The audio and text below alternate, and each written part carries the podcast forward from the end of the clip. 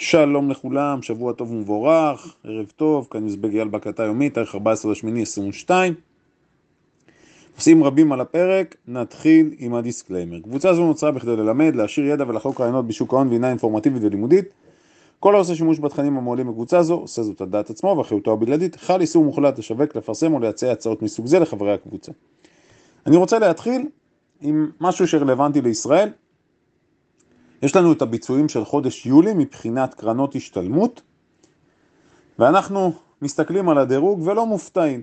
חודש יולי שהיה אחד החזקים ביותר בשנים האחרונות, אלטשולר מסיים במקום הראשון.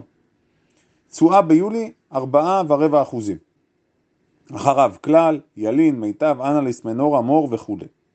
אבל ביחס הפוך, מתחילת השנה אנחנו רואים שאחוז ההפסד שלו הוא הגבוה ביותר, שבעה אחוזים.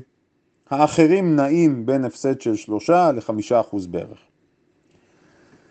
היות ואנו יודעים שהפילוסופיה, פילוסופיית ההשקעה של אלטשולר זה מניות בכל הכוח, אז השנים האלה או השנה וחצי האחרונות פה, כשאנחנו מסתכלים על מה שקורה מבחינת החשיפות, אז כמו שהוא היה הכוכב הגדול, אז כשיש ירידות הוא גם זה שחוטף הכי חזק. לכן גם לטובת החברים פה ששואלים לא פעם, מי שמאמין במניות צריך להבין לאורך זמן. בסופו של דבר זה בדרך כלל יהיה האפיק המתגמל, גם אם בדרך שיש באונסים קטנים. אפילו יותר מקטנים, אוקיי? אבל זה הסיפור. אני מצרף לכם את זה כדי שתוכלו גם לחזות בזה מה שנקרא במו עיניכם. הלאה, קיבלנו סגירה של שבוע שעבר, סגירה מאוד חזקה. אנחנו הערכנו ביום שישי שסביר שיסיימו ירוק, כי רוצים עוד שבוע נוסף כזה. עכשיו, לא רק שקיבלנו סיום ירוק, קיבלנו סיום בהיי. לא יודע כמה מכם הם מה שנקרא מנתחים טכניים אה, ברמה כזו שהם ממש מתעמקים ושמים לב לניואנסים, אבל קיבלנו סגירה של נר מלא. קיבלנו גבוה גם, שבועי. אז אם אנחנו מסתכלים בגרף השבועי, קיבלנו נר, סוג של כזה פטיש, אני אומר סוג של פטיש כי יש לו ידיד, גוף הנר השבועי הוא ירוק, הפ... הידיד שלו בערך, שוות ערך לגוף, זאת אומרת יש פה איזה יחס בין הידית לגוף, הם זהים אחד לשני. נר שמעיד על עוצמה משמעותית, אממה, נפח המסחר היה נמוך מאוד. ב-QQQ 40 מיליון מניות, עוד מעט אני אדבר גם על נפח המסחר. וזו בעיה, אוקיי? זאת אומרת, כשאני מסתכל בניתוח טכני יבש על הגרף, הבעיה שלנו היא נפח המסחר. רמת ה-330 שסימנו אותה מהווה באמת נקודה משמעותית, הרמה המשמעותית אחריה לכל מי ששואל זו רמת ה-350. בגרף חודשי מתקבלת תמונה מאוד מעניינת. בדרך כלל, כשאנחנו מתעסקים במסחר לסווינגים, אנחנו יכולים להשתמש בנרות חודשיים בשביל לתזמן כניסות, פריצות, שבירות, לחפש דברים יוצא דופן. אבל פה כן קורה משהו מעניין. היות וחודש יולי הסתיים נר ירוק מלא, עוטף את הנר הקודם של הירידות החזקות בחודש יוני, וכרגע אנחנו מקבלים בחצי החודש בערך נר נוסף מלא ברמת מחיר משמעותית, כדאי להסתכל גם על הגרף החודשי בתקופה הקרובה של השבועות הקרובים. אוקיי? זו המסקנה שלי. וגם פה אנחנו רואים חצי חודש בערך ביחס באופן מצטבר לנבחי המסחר בנרות החודשיים הקודמים, הנפח הוא לא גבוה מספיק, עוד מעט נדבר מה יכולות להיות הסיבות ומה בכלל אנחנו יכולים ללמוד מנפח מסחר גבוה או נמוך. דבר חשוב, אני אומר שוב, מי שהצליח לתזמן את הכניסות האלה ופעל לפי מתודת ההשקעה, גם הארוכה וגם הבינונית שלנו, באמת שמגיע לו כל הכבוד. שאפו גדול, כי מדובר במהלכים מאוד אגרסיביים. שימו לב לאמזון, ציינו אותה בנפרד. 42 אחוזים עלתה מניית אמזון בתקופה הנוכחית. לא מדובר במניה קיקיונית, לא מדובר במניית ביו. אמזון בחודש וחצי 42 אחוזים. אגב, אני אצרף לכם תמונה של הגרף של אמזון. אתם, מי שלא עקב ולא נכנס או לא חשב להיכנס, אתם תתפסו את הראש שלכם כאשר אתם תראו את הגרף של אמזון, את הגרף החודשי. אתם תגידו, לא יכול להיות, אוקיי? אז אני כבר אומר לכם, כן יכול להיות, פשוט צריך לדעת על מה להסתכל. אבל זה ממש ברמה כזו שאתם תגידו, לא יכול להיות שפספסנו מהלך, שיותר מדויק מזה אין. אתם תראו את הגרף, אתם תגידו, וואו. אני לא יודע מה זה אומר על ההמשך כרגע, אני מדבר על הטווחים הבינוניים. כהשקעה לטווח ארוך, אמזון בעיניי, אמרתי, זו אחת הגורילות החביבות ביותר, אוקיי?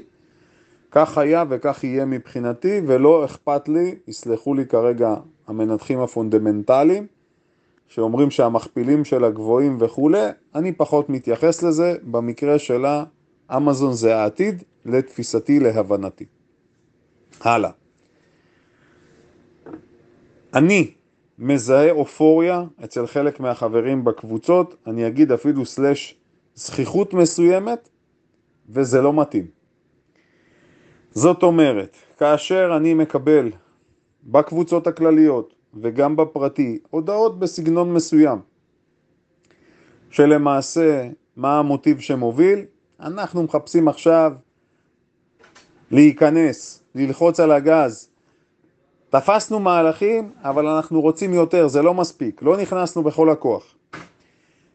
או לחילופין, מספר אנשים שכתבו, אנחנו מחפשים הזדמנויות עכשיו. וכאשר אנחנו מנסים לברר מה מניע את ההזדמנויות, אני לא מקבל סיבות, במקרים שאני מציין, לא מדבר על כל המקרים, אני לא מקבל סיבות שבעיניי הן עוברות את הסף. לכתוב כי המניה ההיא עלתה, או זו קפצה, או תפסתי מהלך מאוד חזק עכשיו, או אני רוצה להחזיר הפסדים, זה לא מקובל עליי. אוקיי? Okay? ואני, אם אני קולט כבר סוג של אופוריה או זכיחות כזו, מחובתי לומר את זה, כל אחד שיעשה מה שהוא מבין. בכל מקרה, מי שחושב שהדרך תהיה כרגע סלולה והעליות יימשכו בכזה קצב, אני ממש לא חושב ככה. ההפך, לדעתי, אנחנו ניתקל במספר מהמורות ואני גם אגיד היכן אני חושב שזה יכול לצוץ הסיפור הזה. חודש הבא יש לנו ב-20-21 לספטמבר דיווח על הודעת הריבית הנוספת. FOMC, הוועידה של השוק הפתוח, הפד יודיע על העלאת ריבית. כרגע יש איזשהו מאבק, כאלה שאומרים 0.5 הוא יכריז, חצי אחוז נוסף או שלושת רבעי אחוז. אז קודם כל אתם יכולים לסמן לכם, זו הולכת להיות עוד נקודת ציון משמעותית. כמובן בדרך יהיו לנו עוד נתוני אינפלציה וכולי, אבל זו נקודה משמעותית. יש לנו עוד סך הכל שלוש פגישות עד סוף השנה. סך הכל יש שמונה פגישות. בעבר היה כל חודש, זה היה חודשי, ועכשיו זה נהיה שמונה פעמים בשנה. אז יש לנו עוד שלוש פגישות עד סוף השנה, ואנחנו צופים שהריבית תהיה לפחות שלושה וחצי אחוז. כרגע אנחנו שניים וחצי אחוז, צופים שלושה וחצי אחוז, זאת אומרת, יהיה פה סיפור. זה לא יעבור, אני לא רואה את זה עובר בכזו צורה חלקה, כי בכל זאת ריבית כזו שנים על גבי שנים שלא ראינו. אז אלה מהמורות בעיניי משמעותיות מאוד. עוד נקודה מאוד חשובה לשבוע הקרוב, פקיעה חודשית. יום שישי השלישי מתרחשת פקיעה חודשית. מה צריך להבין? היות ואנחנו נכנסנו למצב עכשיו שהרבה מאוד מניות עלו בצורה קיצונית ביחד עם המדדים, והתנועות שם הן תנועות חריגות מאוד. שחקני האופציות יכולים, ירצו להשפיע לדעתי במניות מסוימות. זאת אומרת, התנודתיות השבוע יכולה להיות גבוהה מאוד, בטח ביחס למה שהיה בשבוע הקודם. עוד נקודה מאוד חשובה, שורטיסטים שנשרפו. יש פה לחלוטין שריפה של, של שורטיסטים, והעליות האלה באות על חשבון מישהו, מה שנקרא, על הראש של אותם שורטיסטים שנדבקו לפוזיציה. אמרתי, אם יש דבר שאני מציע לכם לא לעשות לעולם, אל תדבקו לפוזיציה, אל תשכנעו את עצמכם שאתם צודקים. לא להתעקש, היו פה מספר לא מבוטל של חברים שהם שורטיסטים באופיים, אני אגיד הם דובים, סלש אולי הם רואי שחורות, הם חושבים שהכלכלה במצב לא טוב, כולל לצרף גרפים משנת 2008, משנת 2000 ואפילו אחורנית. את דעתי על זה אני אמרתי, הבעתי בצורה מאוד ברורה. אז כל מי שבדרך תקוע עם השורטים שלו, אז חלקם יצאו, וחלקם כנראה עכשיו, אם לא יצאו, כנראה ביום שישי יצאו. עוד נקודה שחשובה בהקשר הזה, צריך להפריד בין לבצע, לפתוח שורטים במדדים כגידור מסוים, או אפילו כפוזיציה טהורה כיוונית, לבין שורטים במניות ספציפיות. עם השורטים במניות ספציפיות צריך מאוד מאוד להיזהר ולהבין מה עושים. אפרופו, אני כבר אומר לכם, הבטחנו וובינר שורטים, מחר יערך וובינר שורטים מיוחד שאני אעביר אותו, אני אשלח את כל הפרטים בקבוצה של הוובינרים. אז תפרידו בין זה. ועוד נקודה חשובה, היינו בתעלת מסחר. אחד הכללים שלנו בתעלת מסחר, כלומר כשיש לי גבול תחתון וגבול עליון, אני תמיד אנסה לסחור עם הכיוון הכללי שאני מאמין. זאת אומרת, כשהמדדים ירדו לנמוכים, דיברנו על לסגור שורטים, להיכנס ללונגים, כי האמנו שהלונג סייד, הצד של הלונגים, הוא הצד הנכון. כשאנחנו סוחרים בתעלת מסחר והצד, והצלחנו מה שנקרא לצפות את הכיוון הנכון, אז כדאי להשאיר כמות מסוימת אם מתרחשת אותה פריצה במקרה שלנו כלפי מעלה ואם זו שבירה כלפי מטה כנ"ל, אבל באופן כללי לונגים עדיפים על שורטים רוב ימות השנה למי שסוחר בוודאי על מדדים, בסדר? מדוע? כי בסופו של דבר אמרנו, השוק רוצה מעלה, זה טבעו של השוק, זה המצב. הלאה, אני רוצה להתייחס לנקודה מאוד חשובה שקשורה לאינפלציה יוקר המחיה ולציפיות שלנו שהאינפלציה תירגע מעצמה כן או לא. אז הייתה כתבה מאוד מעניינת, אני אסביר לכם מה מעניין מבחינתי. יש איזשהו בית קפה, אני לא מכיר אותו, קפה שיין או שיין בתל אביב, שכותבים פה שאחרי 22 שנה הם סוגרים אותו, המקום נפתח בשנת 2000. עכשיו, מה שלקחתי מה... מה... זה כתבה בוויינט. מה שלקחתי זה משפט או כמה משפטים מאוד חזקים, תקשיבו טוב, אומרים הבעלים, ה food cost, אני מצטט, זינק מ-28% ל-38%, ה labor cost עלה מ-30 ל-40% וזה רוחבי בכל התחום, דבר כזה משנה את צורת התפעול שלך. ה food cost, חומרי הגלם, ה labor cost, שכר העובדים. החבר'ה האלה, השותפים האלה, אומרים, אנחנו הרבה שנים בעסקי המזון והאוכל. זה לא חבר'ה עכשיו שתגידו לא מבינים, לא יודעים איך לנהל מסעדה או בית קפה. הם אומרים שהעליות הללו של המחירים משנים את כל הראייה שלהם העסקית. כדאי לקרוא את זה. עכשיו זה מתכתב עם משהו שאחד החברים, אופק, שגם מגיע מהתחום הזה, לפני כמה שבועות דיברנו, ואני גם סיפרתי לכם על השיחה שלנו, והוא הסביר שהעולם צועד למקום, העולם הזה של המסעדנות, מינימום עובדים. פחות מלצרים, זוכרים שדיברנו על מקדונלד שבסניפים שלה אתה נכנס לסניף ויש לך סוג של טאבלטים ענקיים כאלה? לצמצם כמה שפחות מגע ואינטראקציה, כמה שפחות עובדים. למעשה פס יצור שבו כל אחד יודע להעביר את הקציצה מצד ימין לצד שמאל, לשים את הרוטב, לארוז, מינימום עובדים. וזה בדיוק מה שאומרים פה החברים. הם מדברים על מינימום עובדים. כאשר הם כותבים, תקשיבו טוב, היום מסעדן שיש לו מסעדה עתירת עובדים, צריך לחשוב מחדש על עסקים פשוטים לתפעול ויעילים בכוח אדם. מה שקרה למדינת ישראל שינוי גדול, היא הפכה ממדינה מתפתחת למדינה מפותחת. מרכז תל אביב הפך להיות מדינה עשירה, והדבר הזה מביא שינוי עסקי. באירופה למשל הבינו מזמן שעדיף להפעיל מקומות ללא שירות. היות וזה מגיע מהרבה מאוד מקורות, אבל אני אהבתי את זה שראיתי כתבה, נקרא לזה, שמגיעה ממקום נקי, אנחנו מבינים שזה כאן כדי להישאר. עכשיו לך תנסה להוריד אחורה, לך תחזור אחורה, תנסה להוריד שכר לעובדים. אין מישהו בעולם המסעדנות שלא מתלונן שחסרים לו ידיים עובדות, אין מישהו שלא מוכן לשלם הרבה כסף על זה, ועדיין לא מוצאים אנשים. עדיין לא מוצאים עובדים. אז יש פה שינוי שקשור גם לבעלי העסקים, שיחפשו לצמצם את כוח האדם שלהם, גם לעובדים שהדרישות השכר שלהם גבוהות מאוד, וגם ללקוחות, שלקוחות עכשיו שרגילים לבוא ולקבל שירות, אם הם ירצו לקבל את השירות הזה, יצטרכו לשלם עליו הרבה יותר כסף. ולכן יכול להיות פה שינוי מאוד משמעותי, זה לא משהו שלוקח יום ויומיים. זה משהו שלוקח חודשים ואולי אפילו שנים.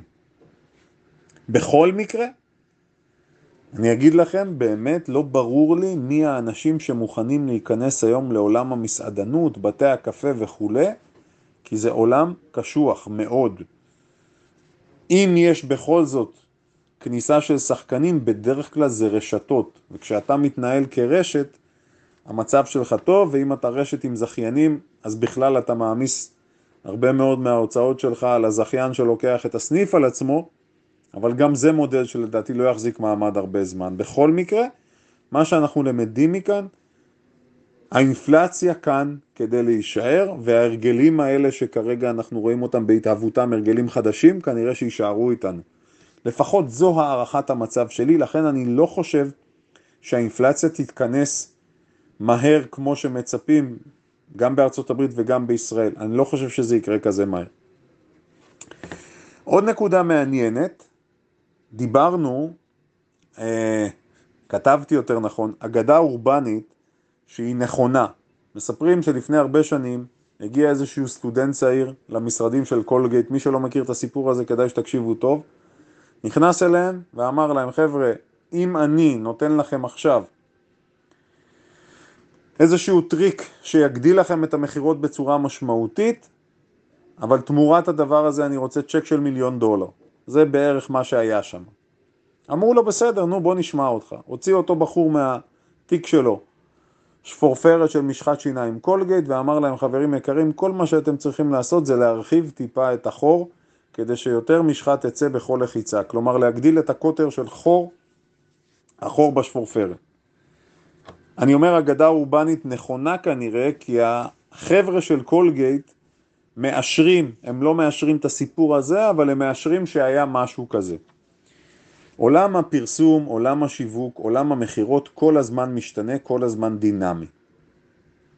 את הסיפור הזה אני מספר לכם כי בעיניי יש תהליכים, ישנם תהליכים כרגע מאוד משמעותיים שקורים במדיה הדיגיטלית.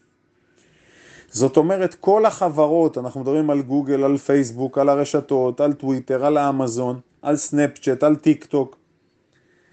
כל החברות הגדולות שקשורות לפרסום, אגב גם בנטפליקס זה, זה יבוא לידי ביטוי. יש, עוגת הפרסום היום השתנתה וכנראה תשתנה עוד הרבה מאוד, כאשר תקציבים עוברים מהמדיה של הטלוויזיה לכל אותן חברות. מה אני חושב עומד להיות מיוחד פה? הרבה מאוד היום, אני לא יודע למי מכם יש ניסיון בדיגיטל ובפרסום ברשתות, אבל לפחות אני אספר לכם משהו על החוויה שלי בכדי אה, שכל אחד ייקח את זה למקום שלו. לפני שנתיים ומשהו בערך, אה, אני רציתי לעזור, לאחי יש עסק שקשור, יש לנו מכון כושר לאימונים אישיים בחיפה, זה עסק של אחי, ובנוסף יש לנו חנות ספורט פה, גם עסק שלו, אני עוזר לו מדי פעם בתפעול של זה. לפני שנתיים בערך החלטנו להקים אתר אינטרנט. יש לנו אתר אחד, קנינו איזושהי פעילות בעבר, והפעילות הזאת נקנתה עם אתר מובנה, אתר עם אה, ניסיון עם קידום אורגני גבוה יחסית, והקמנו אתר חדש. עכשיו, אני לא מבין בדברים האלה, אז כשאני לא מבין משהו, אני הולך ואני מתייעץ. פניתי לכל מיני חברים שאני מכיר, שאלתי אותם מה הדרך הנכונה, אמרו לי, אתה צריך לבנות אתר, כדאי שהאתר יהיה בנוי בוורדפרס, כי וורדפרס זו היום הדרך שבה רוב העולם עובד. אמרתי, טוב, קיבלתי. כשפניתי לאחת החברות שמתעסקת בזה, שאלתי אותה, את אותו משרד פרסום, אמרתי לו, אני אשמח לקבל, אמרתי יותר נכון לה, גברת, אמרתי לה, אני אשמח לקבל הצעה, הסברתי לה מה הצרכים שלי, בנינו, היא בנתה לפי הצרכים שלנו אתר, האתר נראה מצוין האמת, אבל מה מסתבר? האתר הפך לפיל לבן. אתם יודעים למה האתר הפך לפיל לבן? היות ואני, אין לי ניסיון בזה, והגדרתי שאני רוצה חנות אינטרנטית, ואמרתי שאני רוצה שיבנו לי את האתר לפי מודלים שרצים כבר, מה שנקרא, אני לא רוצה להיות זה שמתגלחים עליו. הראו לי, הציגו לי עבודות דומות של אתרים, הכל היה נראה מצוין, האתר אגב נראה מצוין. אממה, מסתבר שלהעלות את המוצרים לאתר זה מאוד מסובך. אז האתר עלה לנו בערך 15 אלף שקלים, להעלות את המוצרים עלה עוד כמה אלפי שקלים, אבל לתפעל את הדבר הזה, לפחות עבורנו, זה משהו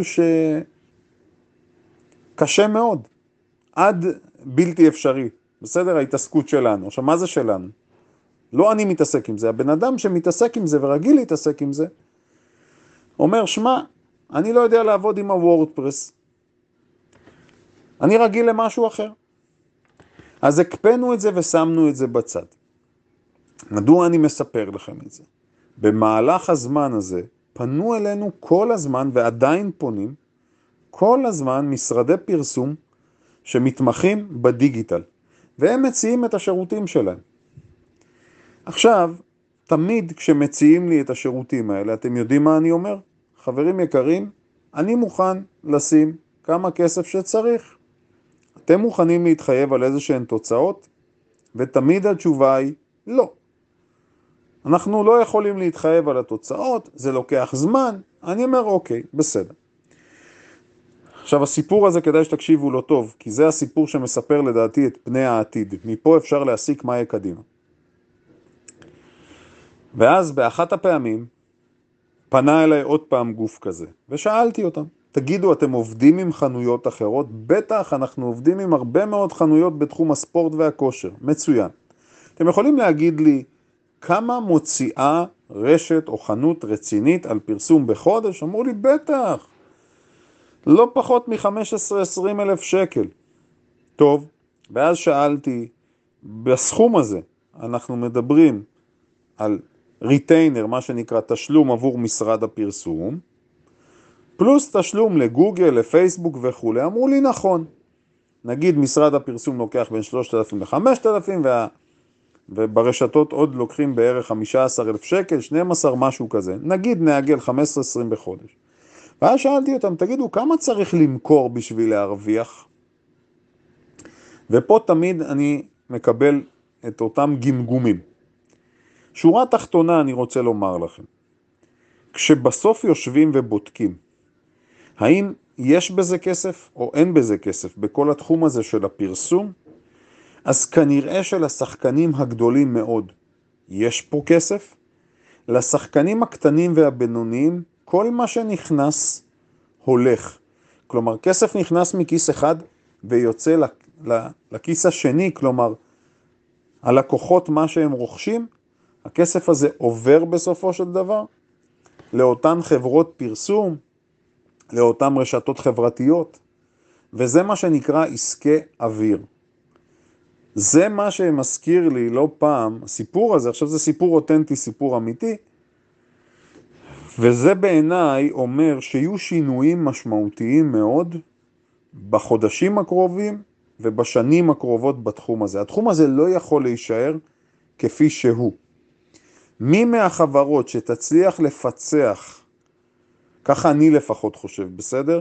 מי מהחברות האלה הגדולות שתצליח לפצח את הצרכים החדשים של הלקוחות ושל העסקים, כנראה שתהיה לה איזושהי הובלה למשך תקופה די ארוכה.